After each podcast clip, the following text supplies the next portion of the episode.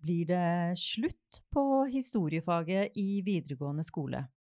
Hvilket kunnskapsgrunnlag kommer morgendagens studenter til å ha når de trapper opp på sin første forelesning på universitetet?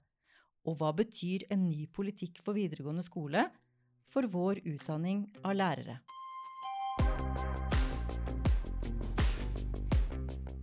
Jeg heter Gunn Enli og er studiedekan på Det humanistiske fakultet ved Universitetet i Oslo. Dette er min podkast Undervisningsplikten. Dagens gjest har mastergrad i nordisk med hovedoppgave om dialektbruk i Team Antonsen. Og det har vist seg å være en arbeidslivsrelevant utdannelse.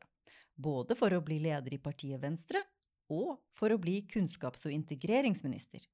Statsråd Guri Melby, velkommen til Undervisningsplikten. Tusen takk.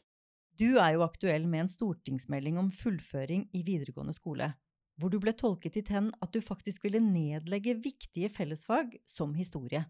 I ettertid har du bokstavelig talt lagt deg flat på en yogamatte på stuegulvet sammen med sønnen din, kunne vi se deg på et bilde. Ble du overrasket over at det ble så mye lurveleven? Jeg er ikke overraska over at meldinga har skapt debatt. Det er jeg ikke. For det første så opplever jeg jo egentlig hele tida at skolepolitikk det er noe som engasjerer bredt. Det er noe som alle har et forhold til. Enten fordi vi jo har gått på skolen alle sammen, eller vi har barn i skolen, eller vi jobber i sektorer som på en eller annen måte er tett linka på skolen, da, sånn som også høyere utdanning er. Eh, men debatten ble nok kanskje litt sånn spissere enn jeg hadde trodd. Og det var kanskje også litt min egen feil. Eh, så, men at vi får debatt, det er jo egentlig bra. Det har jo særlig blitt debatt om ordbruken. Kan du fortelle hva som kom feil ut? Ja, det kan jeg fortelle deg om. Og jeg er jo språkmenneske sjøl, så jeg skjønner jo at ord, det betyr jo veldig mye. Det var en uttalelse i VG der jeg skulle forklare da, hva tanken vår var, uh, hva vi ønska å gjøre med det som er fellesfagene. Uh, og da kom jeg i skade for å bruke begrepet mindre fag om fag som historie, geografi og kroppsøving f.eks. i videregående opplæring. Og det var det ganske mange som eh, ble ganske støtt av. Og det forstår jeg også, fordi at et ord som mindre, da kan det jo tolkes som at det er mindre betydningsfullt, at det ikke er viktig. Mens det jeg egentlig henviste til, var jo det at noen av disse fagene har lavt timetall. Og jeg har jo også registrert at i sektoren så blir det ofte omkalt som litt sånn små fag. Ikke for å si at de ikke er viktige, men nettopp fordi at de ikke har så stor plass da, i, i f.eks. en timeplan i løpet av ei uke. Eh, og det beklager jeg, og jeg tror at det bidro til å spisse frontene unødvendig. Eh, og det er jo ikke heldig i en sånn debatt. Uh, var det sånn at uh, du var overrasket over reaksjonen da du lanserte meldingen? Altså at det var eh, rett og slett formuleringer som skapte eh, frustrasjon, eh, og som skapte støy rundt meldinga. Jeg vil ikke si at jeg er overraska, men det slår meg jo hvor vanskelig det faktisk kan være da, å forstå hva en del ord og begreper vil bety for folk. og jeg kan jo også bare si det at um, altså når vi internt her i Kunnskapsdepartementet har diskutert fellesfagenes framtid. Vi har diskutert muligheten for å se litt nytt på sammensetning av fag. Eh, så har vi jo faktisk Vi har på en måte hatt veldig mange runder. og når det gjaldt det å lansere et sånt nytt fag, eksempel, så hadde vi veldig mange lange runder på hva man skulle kalle et sånt nytt fag. For du må på en måte gi det et slags navn da, for å kunne omtale det. Eh, en veldig lang stund så kalte vi det bare for samfunnsfag. Eh, en stund så gikk det liksom under navnet dannelsesfaget. eh, og så eh, ble det egentlig så vi bare endte opp med å kalle det et fag for framtida. Og egentlig holdt det ganske sånn vagt og åpent. Og det må jeg bare si, det var et bevisst valg, fordi at vi ønska oss en prosess der ikke vi la altfor mange rammer fra toppen av, men at vi skulle få en litt sånn nedafra og opp-prosess. Men så viser det seg jo da at det at vi holdt det så åpent, det gjorde det også veldig utsatt for angrep. Og alle kunne på en måte putte alt det negative de ville inn i det. Eh, så sånn sett i ettertid så skulle jeg jo kanskje ønske at vi hadde bare kalt det f.eks. Eh, samfunnsfag eller eh, eh, historie for den saks skyld. Så hadde vi kanskje spart oss veldig mye debatt og holdt oss litt mer på det sporet som vi egentlig ville være på, da. Ja, for det var jo vågalt og um, litt sånn innovativt å kalle det fremtidsfaget. Altså man er jo da åpen for hugg. eh, for alle som vil kritisere. Eh, men det som også skapte mye støy, var jo dette som du nevnte, med reduksjon av antall fellesfag. Det ble jo skapt litt uro her på huset da det ble spekulert i om dere ønsker å nedlegge historie som et fellesfag. Vil du nedlegge historie som fellesfag, eh, Guri Melby? Så det jeg kan si, da, er at jeg skal ikke nedlegge historiefaget. Jeg ønsker jo at historiefaget i skolen skal være sterkt. Eh, og jeg syns jo det er egentlig et paradoks at det har vært så heftig diskusjon om historiefaget, når det er sånn at i dag så er det jo halvparten av elevene som ikke har historie. Elever som går på yrkesfag, har ikke historie i dag. Eh, og ut ifra debatten så burde vi jo alle være enige om at det burde de jo absolutt ha. Eh, og det vi hadde sett for oss i et sånt nytt fag, som er jo eh, faktisk ikke Det er ikke våre ord i meldinga at det heter framtidsfag, vi bare skrev et fag for framtida, så da har det blitt media som har brukt framtidsfag. Det vi så for oss, var jo at det skulle bygge på fag som samfunnsfag, historie, religion, men det her er jo fag som også har et veldig stort potensial for tverrfaglighet. Det er veldig mange overlappende temaer. Vi vet at elevene har litt problemer med å dra, fra, dra kunnskap med seg fra ett fag til et annet. Så det å kunne se litt disse fagene i sammenheng, da, i lys av også de endringene som har blitt gjort i læreplanen de siste årene, var egentlig det vi ønska oss. Så jeg hadde jo håpa at det betydde at enda flere elever enn i dag får historie. Så debatten ble litt avsporet ved at man eh, trodde at uh historie vil bli mindre viktig, men det du ønsker å gjøre, det var mer viktig. Ja, for jeg, jeg mener jo at disse fagene, eh, fag som religion og etikk, samfunnsfag, eh, historie, det er fag som har en veldig viktig funksjon i videregående skole. Men det vi ser i dag, da, er at altså, elevene opplever gjerne at det er en sånn emnetrengsel. Eh, at de har mange fag å forholde seg til på en gang. At de må liksom eh, rase litt gjennom ulike temaer på kort tid. Og de får aldri tid til å sette seg inn i noen ting grundig. Og vi vet jo også at det er ganske mange elever som liker disse fagene. Vi ser jo at når de får lov til å velge i VG2, så er jo egentlig samfunnsfagene blant de mest populære fagene. Eh, så jeg tror jo at altså med et sånt basisfag som har kunnet blitt litt større, som alle hadde, men så kanskje en større mulighet til å velge seg fordypning, da innenfor historie eller religion eller noe sånt, så tror jeg jo vi kunne bidratt til å løfte disse fagene sin betydning i videregående, og dermed også i høyere utdanning. Mm. Og det jeg merket meg veldig da jeg leste meldingen, var jo det eh, behovet for å styrke sammenheng mellom eh, videregående og høyere utdanning. Det har vi snakket mye om her eh, på universitetet også. I hvilken grad er elevene studieforberedt idet de blir studenter. Ehm, vi er jo selvfølgelig mm, interessert i å få de bedre studieforberedte, akkurat som det dere er. Ehm, kan du si litt om hvordan denne meldingen er, tenker rundt akkurat det å gjøre elever til studenter? Ja, vi har jo pekt ut fem hovedutfordringer i denne meldinga, der én av de fem er nettopp det å bli mer studieforberedt. Og jeg merker jo at I debatten om videregående så er det veldig fokus på det med frafall. Men vi snakker ikke nok om hva det er de faktisk har med seg, dem som kommer seg gjennom, og som skal videre på studier. Og så har vi tall som viser at uh, tre av fem elever sier sjøl at de ikke opplever at de er studieforberedt.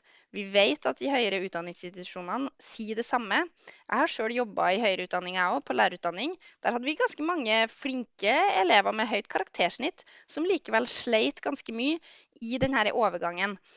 Og så er det egentlig Det som er interessant, er også at det er ganske sånn entydig hva det er de sliter med. De sliter med å lese lengre, komplekse tekster. Gjerne tekster på engelsk i tillegg. De sliter med å skrive den type tekster sjøl. Og de syns det er vanskelig det å forholde seg kritisk til tekst. Det å gjøre seg opp en selvstendig mening om tekst. Dette er ting som går igjen. Og da har jo um, Det vi har pekt på, da, er jo at uh, vi må også sikre at du får den her progresjonen i løpet av videregående som gjør at du i løpet av de tre årene nærmer deg mer og mer og jobber på den måten som du gjør i høyere utdanning, sånn at du er forberedt på å møte de utfordringene som møter deg der. Og da var jo denne tanken også at hvis vi ser litt på fagstrukturen, eh, redusere antall fag elevene må ha, og også da gi rom for flere timer i de fagene de har, så vil vi i hvert fall strukturelt legge bedre til rette for den type fordypning som man også har på universitet og høyskoler. Mm. Og mye av dette er jo musikk i våre ører, fordi at du snakker om å gjøre elevene studieforberedt og, og i stand til å lese lengre tekster på engelsk osv. Så. Eh, så vi vil jo si at det er helt eh, supert, eh, det det legges opp til med nye arenaer for samarbeid mellom høyere utdanning og, og videregående skole.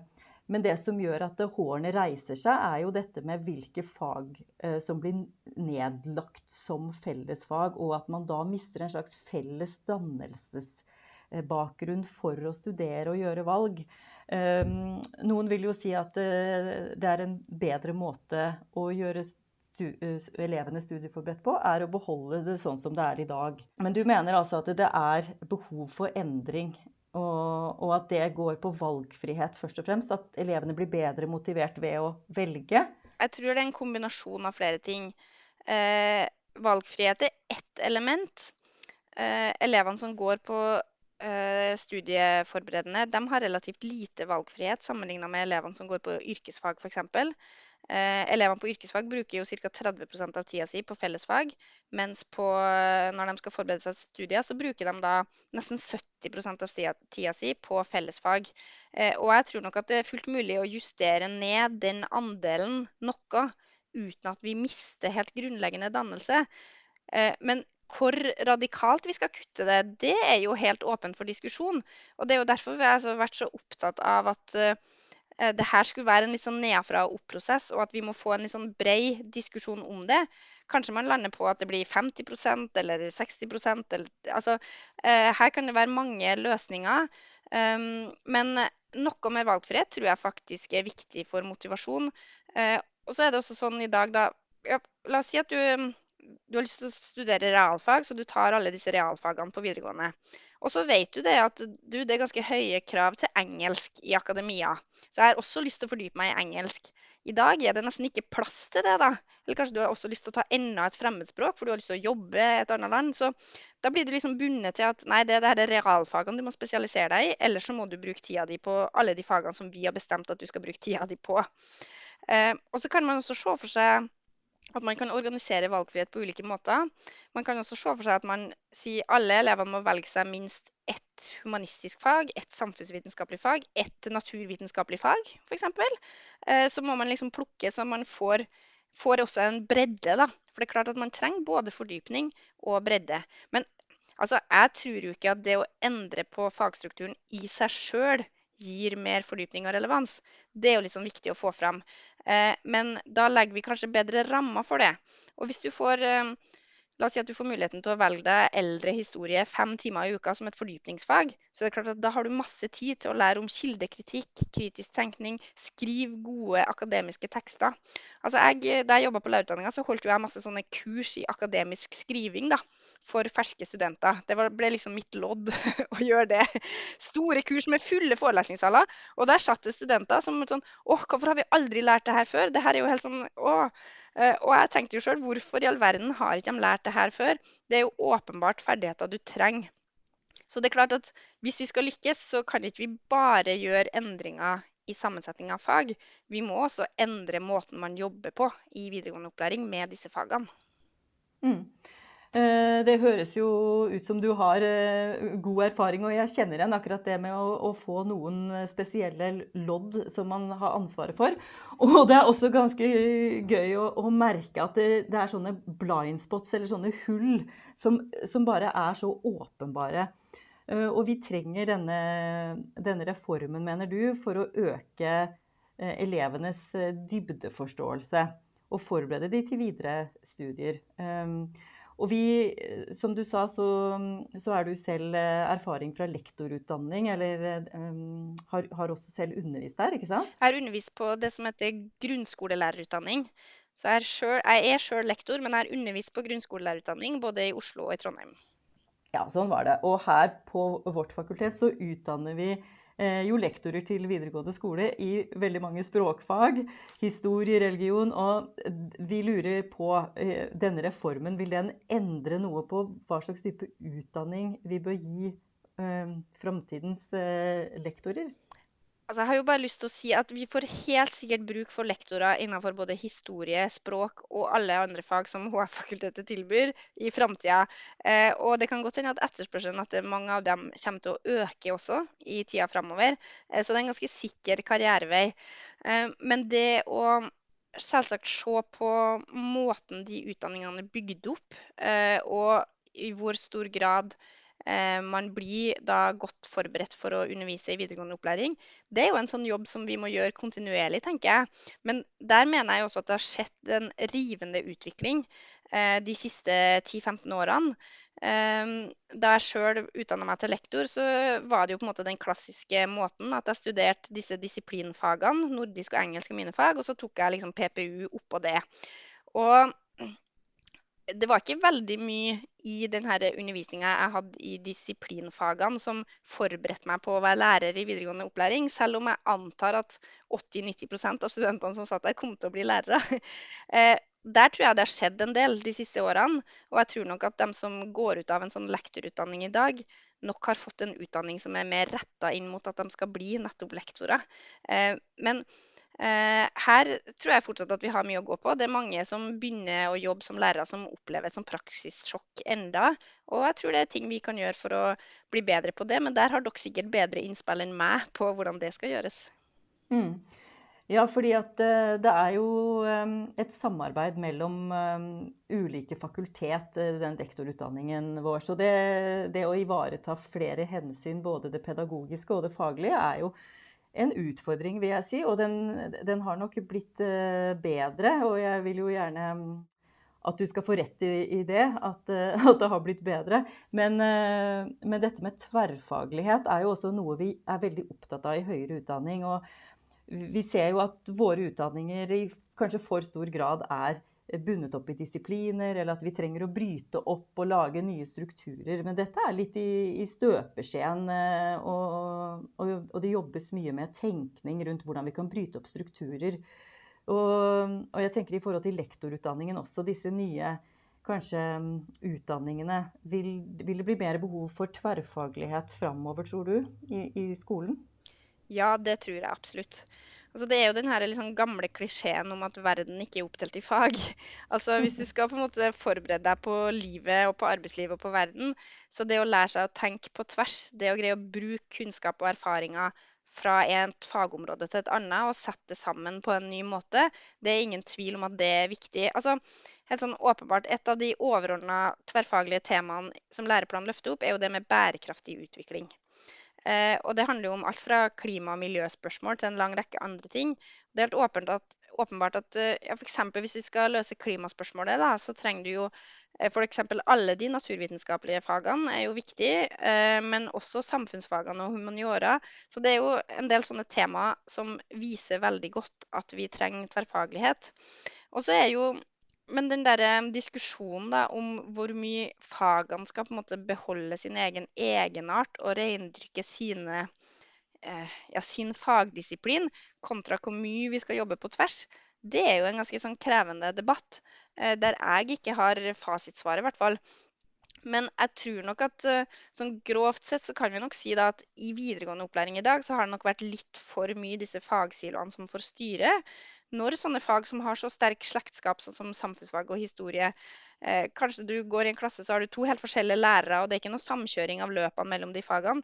Når det har fått lov til å være sånn, så mener jeg at det ikke er riktig. Men så er det også mange skoler og mange lærere som setter seg ned, samarbeider og lager kjempegode tverrfaglige opplegg i dag. Eh, og det må de jo selvsagt fortsette med. Og hvis eh, også høyere utdanning gjør det i enda større grad, og også forbereder studentene på det når de en gang skal bli lærere, så er jo det kjempebra. Mm. Veldig fint. Og um, vi nærmer oss slutten, men jeg vil bare spørre om du har noe du vil si avslutningsvis um, til um, historikere og andre som er bekymret for at deres fag vil få mindre betydning Nei, altså Jeg vil jo ikke ha på meg at det er liksom HF-eren og nordisten Guri Melby som ga dolkestøtet til verken historie eller samfunnsfag. Eh, så jeg skal gjøre det jeg kan for å løfte opp disse fagenes betydning. Eh, for jeg vet det veldig godt sjøl hvor viktig de er. Eh, og så håper jeg at vi kan eh, restarte diskusjonen litt. Eh, og så vil jeg gjerne ha en heftig diskusjon da, om hva vi kan gjøre med disse fagene i videregående for å styrke dem. Men jeg håper jo at alle sammen er åpne for at vi i hvert fall i gang, setter i gang en utredning. Og at vi tør å si det, og at vi tør å tenke nytt her. Og så skal jeg love at vi skal ta vare på de viktige fagene framover òg. Tusen takk, og takk for at du kom hit. Det er en del av den dialogen du inviterte til. Ehm, så dette var helt supert.